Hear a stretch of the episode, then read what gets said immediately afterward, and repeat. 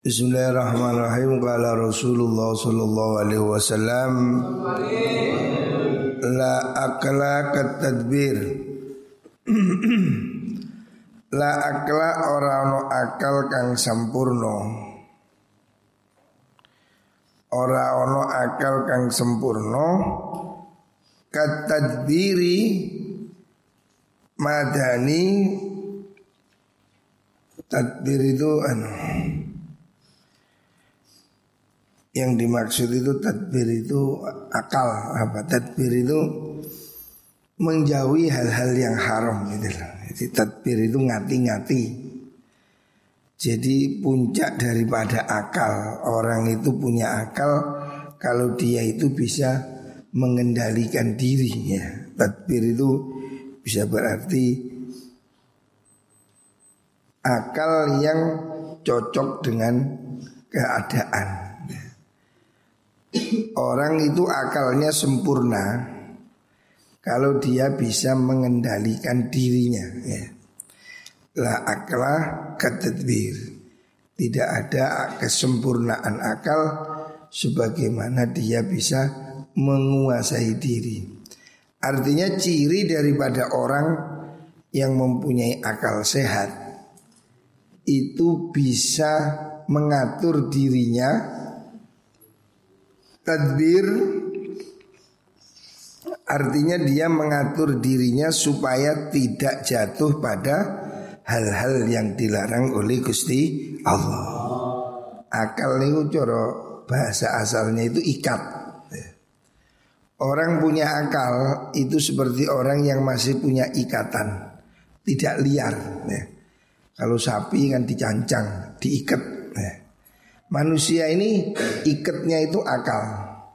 Jadi akal ini kendali. Orang yang masih bisa mengendalikan diri, orang yang hidupnya masih teratur, ikut peraturan, tidak sakar BDW, berarti ciri dia masih punya akal. Karena akal itu tali. Akal itu arti asalnya itu ikatan atau tali. Orang yang punya akal Orang dianggap akalnya itu beres. Kalau dia masih bisa ngikuti aturan Baik itu aturan agama Ataupun aturan yang berkembang di masyarakat. Kita ini kan ada aturan-aturan yang tidak tertulis. Aturan sopan santun di kampung aturan aturan apa? Etika dalam perdagangan etika di mana pun tempat pasti ada aturannya. Nah, jadi akal itu mengendalikan orang supaya mengikuti aturan. Wala waro'a kal kafi wala waro'a lan ora no sifat wirai. Sifat wirai itu sifat kehati-hatian Kal kafi koyok nyegah sangking perkoro kang haram Wirai itu juga intinya mencegah ya. Al kafu Wirai itu kata apa?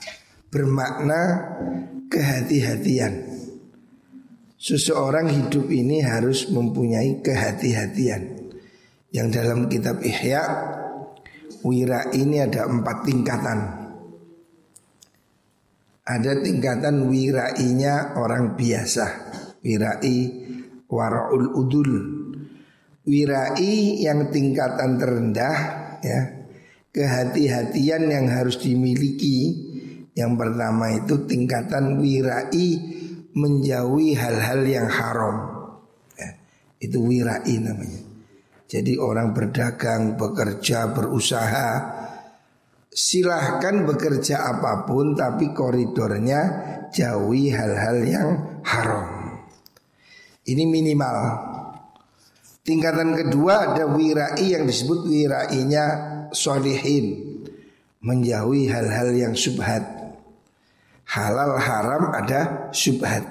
Subhat itu mirip-mirip ya, hampir halal hampir haram subhat ini dijauhi wirai yang ketiga tingkatan wirainya mutakin menjauhi sesuatu yang bukan hanya haram atau subhat menjauhi sesuatu yang halal takut merembet ke syubhat.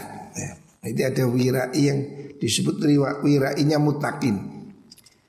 Umpamanya kamu menjauhi makan banyak supaya tidak tidur dan tidak sholat subuh. Nah ini wirai. Jadi dia makannya dibatasi. Walaupun makannya aslinya kan halal.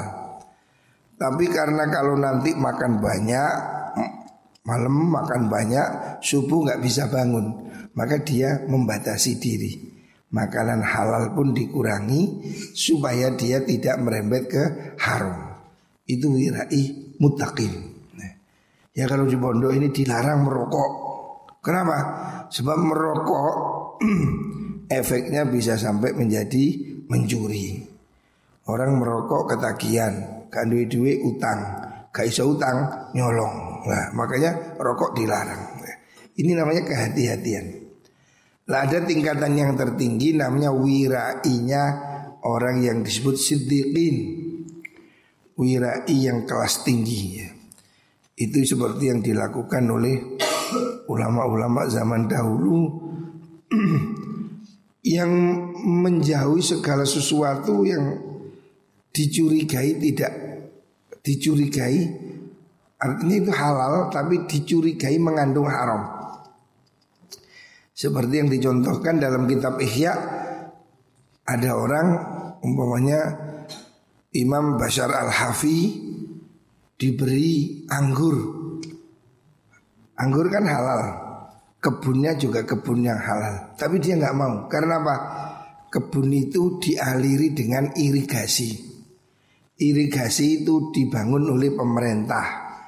Dia curiga uang bangunan irigasi ini ada unsur haram. Maka dia tidak mau air yang mengalir dari irigasi. Oh ini kan sudah sedemikian apa tinggi. Ya. Zohirnya kan kebun anggur halal selesai, tapi dia masih neliti anggur itu disiram dari mana, airnya dari mana, karena melewati sumber irigasi yang dibangun pemerintah Dia gak mau Takut pemerintah ini ada korupsinya Mengandung unsur zolim nah, Ini wirai tingkat tinggi Menjauhi hal-hal yang sebetulnya halal. Sebetulnya halal. Tetapi dia memikir di belakangnya itu. Sama dengan yang dilakukan oleh Abu Bakar As-Siddiq. Abu Bakar Siddiq pernah suatu saat dikasih minum susu. Susu satu gelas. Alhamdulillah.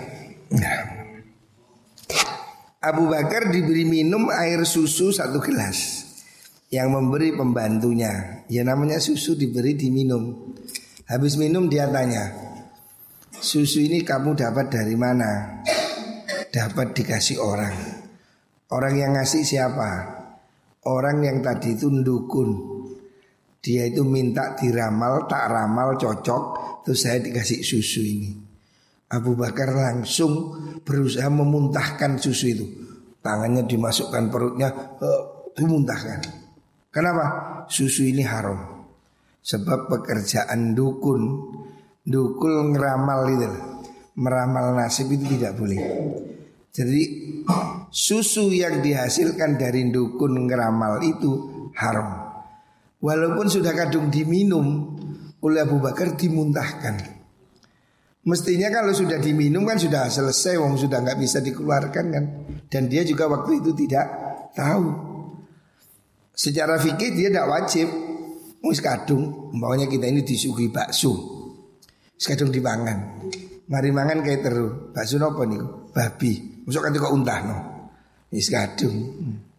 Saya pernah ngantar kiai-kiai. Saya pernah ngantar kiai rombongan kiai-kiai sepuh pergi ke Pati, ke Kudus. Eh bukan Kudus, ke Pati. Sowan Basahal. Ada berapa mobil kita rombongan dari ya kiai-kiai sepuh Lirboyo mana-mana pergi ke Pati. Lah di kota Mati itu ada warung nggak tahu saya warung lupa. Pokoknya warung itu besar ayam goreng. Ono gambare koyo wayang-wayang ngono, warung Jawa. Ya kita berhenti di situ, berhenti makan. Sudah semua ini rombongan ada tiga mobil makan semua. Habis makan bungkus, ya enak enak ayam enak. Es. Lakon dilala habis makan saya itu pergi ke belakang. Mau cuci tangan, nunut cuci tangan ke belakang. Kok tak delok ke dapur itu ono sairing ini kodok. Loh saya tak lihat apa itu putih-putih? Cilik-cilik tak takon apa itu pak?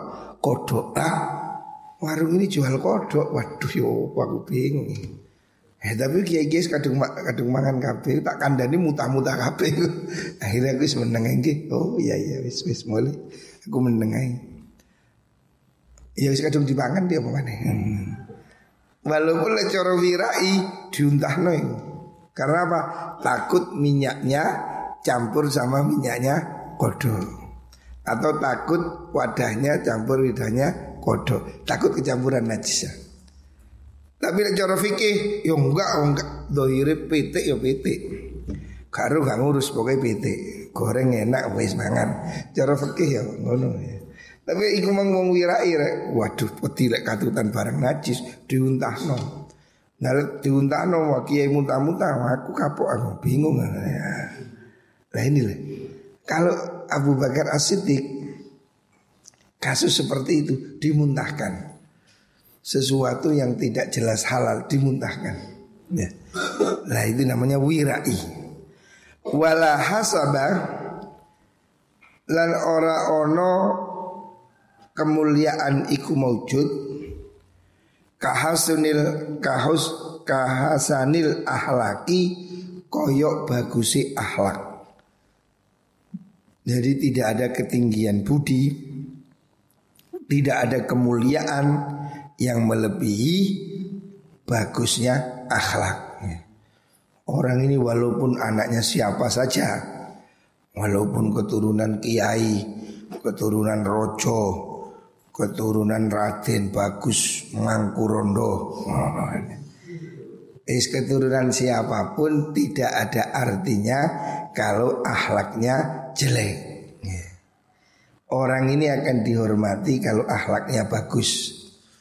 Jadi kalaupun kamu tidak anaknya presiden, kamu bukan anaknya pejabat, tetapi kalau akhlakmu bagus, kalau kamu bisa membawa diri, tidak uraan, tidak melakukan hal-hal yang tercela, kamu akan dihormati. Jadi kemuliaan itu bil akhlak. Ya. Kemuliaan hidup itu bukan karena nasab. Banyak orang yang dulu nasabnya mulia, orang yang sudah keturunan orang hebat, tapi kalau kelakuannya tidak baik, ya hidupnya akan akan tersia-sia atau akan terpinggirkan. Maka yang lebih penting kita bangun dirimu. Bapakmu siapa tidak penting. Kamu tidak bisa milih bapak. Ya wis bapakmu ikut takdiri Gusti Allah. Kamu anaknya siapa tidak penting. Yang penting kamu jadi apa. Walaupun anaknya kiai, lek gak gelem ngaji, ya bodoh. Anak kiai kok gak gelem ngaji. Walaupun itu anaknya orang pinter, kalau nggak mau ngaji nggak bisa pinter ya. Jangan bermimpi bisa pinter karena anaknya kiai Tidak bisa Sama dengan Kalau bapakmu makan Bapakmu mangan Kamu ikut kenyang apa tidak? Kamu tidak makan apakah bisa ikut kenyang? Sakit Ramadan? Nggak bisa Oh kamu gak ikut makan Orang alim, orang pinter itu dia bekerja Cari ilmu susah payah dia jadi alim. Sama dengan orang kenyang dia makan. Lah kalau yang melihat anaknya ya tidak isu kenyang nggak ikut makan. Makanya ini perhatikan kemuliaan diri itu karena akhlak yang mulia. Hadis rawahu Ibnu Majah. Selanjutnya la yu'minu ahadukum. Hatta akuna habba ilai min waladihi wa walidihi wa nasi ajmain. La yu'minu ora iman. Sopo ahadukum salah suci sira kabeh. Hatta akuna sehingga ono ingsun iku ahabba luin demenaken ilaihi maring ahad min waladihi sangking anake ahad wa walidihi lan wong tuane ahad wa nasilan menungso ajma'ina halis kabehane Rasulullah Shallallahu Alaihi Wasallam mengingatkan tentang pentingnya cinta cinta pada kanjeng Nabi. Orang ini imannya tidak sempurna. Manusia ini imannya belum sempurna sebelum dia mencintai kanjeng Nabi. Jadi kamu boleh mencintai yang lain Tapi cintanya itu tidak boleh melebihi kanjeng Nabi. Cinta pada anak baik Cinta pada orang tua bagus Cinta kepada apa lingkungan, kepada teman, kepada guru. Semua cinta-cinta yang positif itu bagus tetapi jangan melebihi cinta pada kanjeng Nabi. Ya. Kusi ngantuk bukan Jangan ada cinta melebihi cinta kanjeng Nabi. Artinya kalau kamu ada dua perintah. Perintahnya siapa melawan perintah Nabi? Dahulukan perintahnya kanjeng Nabi Seseorang tidak beriman sempurna Imannya belum top.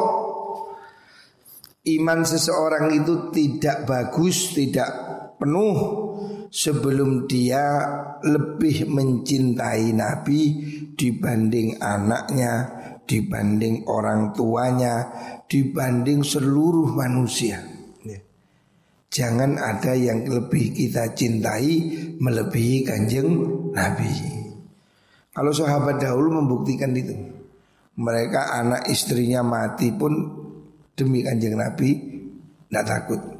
Sahabat hijrah mengikuti Nabi, hartanya semua ditinggal demi ikut kanjeng Nabi.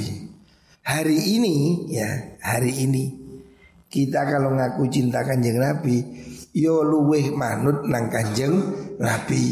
Yo apa? Jogon perintah-perintahe Nabi. Sunnah-sunnahnya. Ajaran-ajarannya. Ayo kita ini berusaha lebih kenal kanjeng Nabi. Termasuk anak-anak kita. Sekarang orang-orang ini sudah banyak yang nggak kenal Nabi. Nabi putranya berapa? Ayo coba. Piro kanjeng Nabi? Ada berapa? Lo gak kebiru, ana piro? Iku sing ngantuk iku kan mar. Iku. Ada ngantuk itu. Putranya Nabi ada berapa? Ada? Sebelas tak kuat tak nomor sebelas. Ini oh bukan. Putranya Nabi ada berapa? Ada tujuh. Lu gak semua orang tahu rek. Tidak semua orang ngerti sejarah hidupnya kanjeng Nabi. Makanya ini harus ya. Peringatan maulid itu supaya kita tahu Nabi itu lahir di mana, meninggal di mana Bapaknya siapa, ibunya siapa. Harus ngerti. Jangan sampai Nabi kalah sama Soekarno Nggak bisa. Siapa pun yang kita hormati di muka bumi ini tidak boleh mengalahkan kanjeng Nabi. Makanya ini harus harus perhatikan. Ini indikator iman. Barang siapa lebih mencintai Nabi dibanding yang lain, berarti dia mempunyai iman. Tapi kalau orang itu masih mencintai selain Nabi, imannya belum sempurna. Ini hadis sahih rawahu Syekhan. Riwayat Imam Bukhari Muslim. Selanjutnya Nabi bersabda La yatajalasu qawmun illa bil amanah. Rawahu Al-Mukhris Al-Marwan. Nabi mengingatkan layat jalasu ojo lelungguan. Jangan berkumpul Jangan bertemu duduk bersama. Sopo kaumun kaum Illa bil amanati angin kelawan guwa amanah. Jangan ada kaum yang tidak amanah ya. Jangan ada orang yang mengalah-ngalahkan yang lain. Semuanya harus jaga komitmen. Kalau kita ketemu orang duduk bersama harus ada komitmen, saling melindungi, saling menghargai, harus amanah. Jangan kita ini kemudian menjelek-jelekkan teman, membocorkan rahasia atau me membuli di belakang. Tuhan ini memberi kita mulut di depan, mulut kita di depan supaya kita jangan ngomong yang di belakang, jangan menggunjing ya. Kalau sudah ngomong komitmen ya wis. Jangan di belakang kita rasan-rasan. Kayak ngarep kata iyo, kayak burine ilo-ilo. Nah, ini tidak konsekuen. Kalau kita ini sudah konsekuen, sudah sudah deal, kesepakatan harus amanah. Ya. Jaga kesepakatan jangan mengkhianati orang lain. Hadis selanjutnya Nabi bersabda, La yatakallafu ahadun li ma la yaqdiru alaihi rawahul bayhaqi La yatakallafu ojo merti-merti Jangan ngoyo ya Jangan terlalu ngoyo. Ngerti ngoyo. Ngerti orang ngoyo ya. Pak Ari dari Pak Ari. Iku loh. Ada ngantuk-ngantuk iku lah aku Jangan ngoyo. Jangan berusaha di luar kemampuan. Ya. Layatakallafu. Ojo merdi-merdi. Jangan menyulitkan diri. Sopo ahadun wong suici lidhoifihi maring koncone utawa dayoe ahad ma ing perkara layak diru kang ora kuwasa sapa ahad alaihi ing atase ma jangan ngoyo mengusahakan sesuatu yang kamu tidak mampu ya. Jangan ngoyo kalau kamu ingin menghormati tamu. Tamu memang harus dihormati Ya. Nyugui tamu pahalanya besar. Tetapi jangan sampai terlalu ngoyo. Ngerti ngoyo? Sampai utang-utang umpamanya Kalau kamu kemampuannya itu Nyugui air putih Ya suguhono air putih Ya kalau kamu mampunya nyugui tempe, ya suguhono tempe. Tidak perlu kamu ngoyo. Jangan sampai kamu berusaha menyenangkan tamu sampai kamu repot. Contoh nih, mungkin gak duit duit, kepingin nyugui sate, utang. Nah itu tidak bagus. Ojo sampai utang-utang. Tamumu hormati sesuai kemampuanmu. Kalau kamu bisa kasih teh, ya ke ono teh. Kalau kamu bisa kasih air, ya kasih air. Ya. Jangan kamu berusaha ngoyo karena yang datang teman kamu beli sate, gulai, engkung, kayak ya. Jangan berlebihan. Makanan ini tidak harus mewah. Yang penting suasananya menyenangkan. Kalau kamu nyuguhi tamu ramah, hangat, walaupun cuma minum air putih, tamunya merasa senang. Tapi walaupun disuguhi ayam, sing nyuguhi mbek coco, hmm, mana? Cepetan, moyo dayomu ya mengkeret. Jadi tidak perlu mewah, yang penting hangat, ikhlas ya. Hormati tamumu semampunya. Rasulullah Shallallahu Alaihi Wasallam tidak menganjurkan kamu nyugui tamu secara berlebihan. Jangan kamu nyugui tamu dengan cara hutang ya. Ya suguhono sak mampumu ya. Apa yang kamu bisa, yang kamu mampu lakukan. Hanya lek duwemu iku tempe ya suguhono tempe. Kita ini sendiri juga tahu kok saya kalau ke rumahnya orang memang orangnya kurang mampu disuguhi nopo jenenge disuguhi jangan bayem ya tak mangan alhamdulillah. Kadang saya pergi ke desa disuguhi apa itu kulup-kulupan ya. Tidak harus mewah ya. Tidak harus mewah dalam nyugui tamu. Tamumu juga sudah ngerti ya. Jangan kamu ngoyo kecuali kamu kaya deh. Dulu kakek buyut saya Buyut saya ini namanya Haji Abdul Rosid Zaman Belanda dulu orang kaya. Konglomerat pada zamannya. Kakek saya dulu kata nenek saya.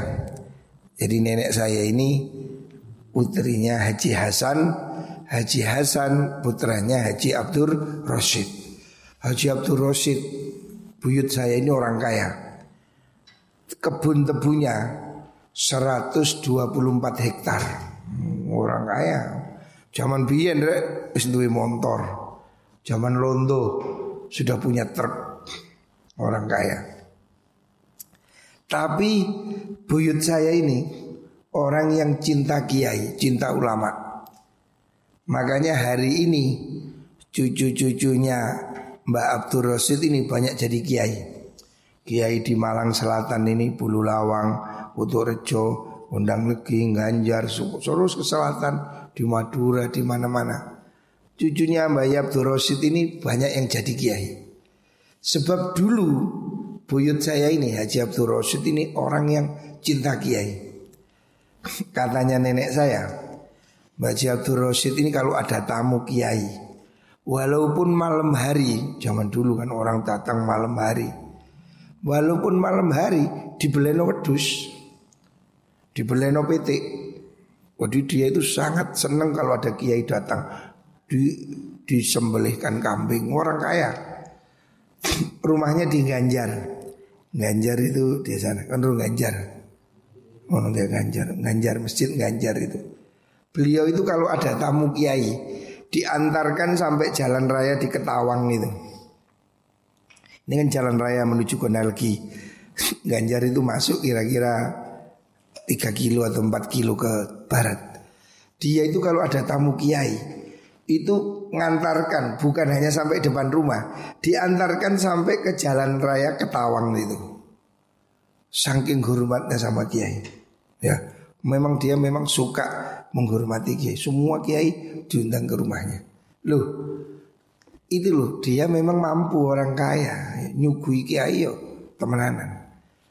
Hasilnya, hasilnya hari ini cucu-cucunya Mbak Abdul Rosid ini mayoritas jadi kiai di mana-mana, di Malang, di Madura, di Surabaya, di Pasuruan.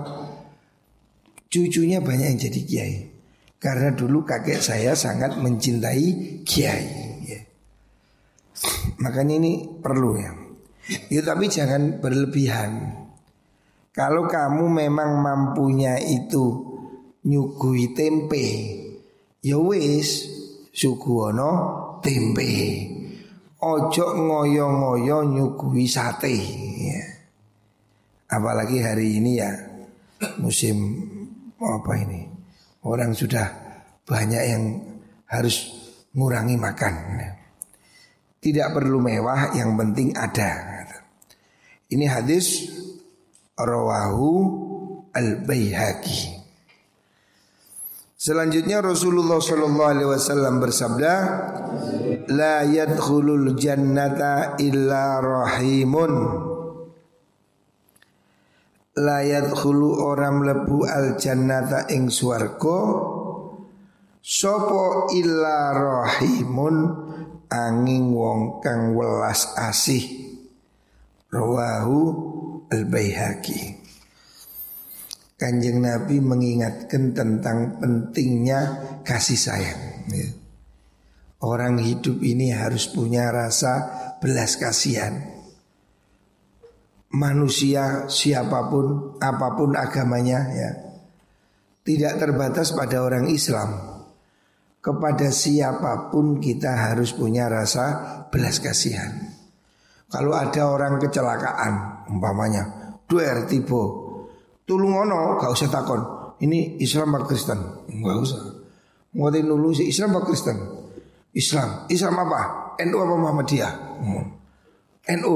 NU partainya apa? P3 apa PKB? Gak usah pakai cocok. Jangan pilih-pilih menulung orang lain. Siapa pun yang perlu kita bantu, bantu. Tidak usah kamu lihat itu agamanya apa. Kalau dia perlu dibantu, bantu. Jangankan kamu nulung manusia, nulung hewan aja loh. Rasulullah Wasallam dalam satu hadis yang sangat terkenal mengatakan ada orang masuk surga gara-gara nulungi anjing. Bahkan konon wanita itu pelacur. Wanita nakal. Dia pulang kerja lihat anjing menggelepar kehausan. Terus dia berinisiatif cari air. Akhirnya dia susah payah cari air, tidak ada botol, tidak ada gelas, cari air ditaruh di sepatunya. Sepatunya dicopot, dicemplungkan sumur buat minumi air anjing. Loh, orang men mengkasih mengkasihi anjing saja. Itu Allah rela, Allah ridho. Sehingga wanita itu diberi hidayah, taubat, masuk surga. Jadi hati yang pengasih ini penting, rek. Kepekaan kita ini harus dilatih. Jangan diam melihat ketidakadilan. Jangan diam melihat kezoliman. Ya, jangan diam. Siapa pun itu yang dizolimi, ya, walaupun itu ormasnya beda dengan saya. Saya NU, dia apa? FPI umpamanya. Tidak boleh jangan orang tiba Siapa itu FPI Siapa pun mau FPI juga Islam Siapa itu Anu apa PDI, siapa pun ya. Jangan berbuat kebaikan pilih-pilih ya.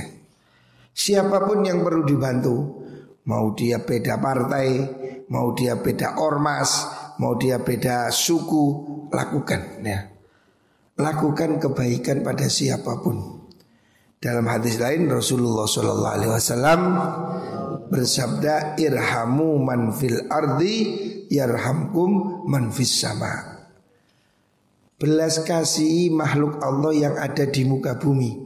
Siapa pun, agamanya apa pun. Bukan hanya muslim, non muslim sekalipun, ya. Belas kasih. Sayangi semua makhluk Allah yang ada di bumi. Maka kamu akan disayangi makhluk Allah yang di langit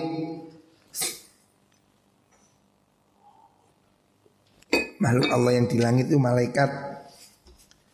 Kalau kamu punya hati penyayang, kamu akan disayang Allah, disayang oleh malaikat. Ya. Ini kepada siapa pun. Umpamanya kamu jalan ke pantai, ono wong kelelep. Ojo malah difoto. Musa ikut kelelep difoto di video. Buat videomu itu golek no tali, tulung ono. Ojo malah difoto, ono kecelakaan difoto. Apa gunane?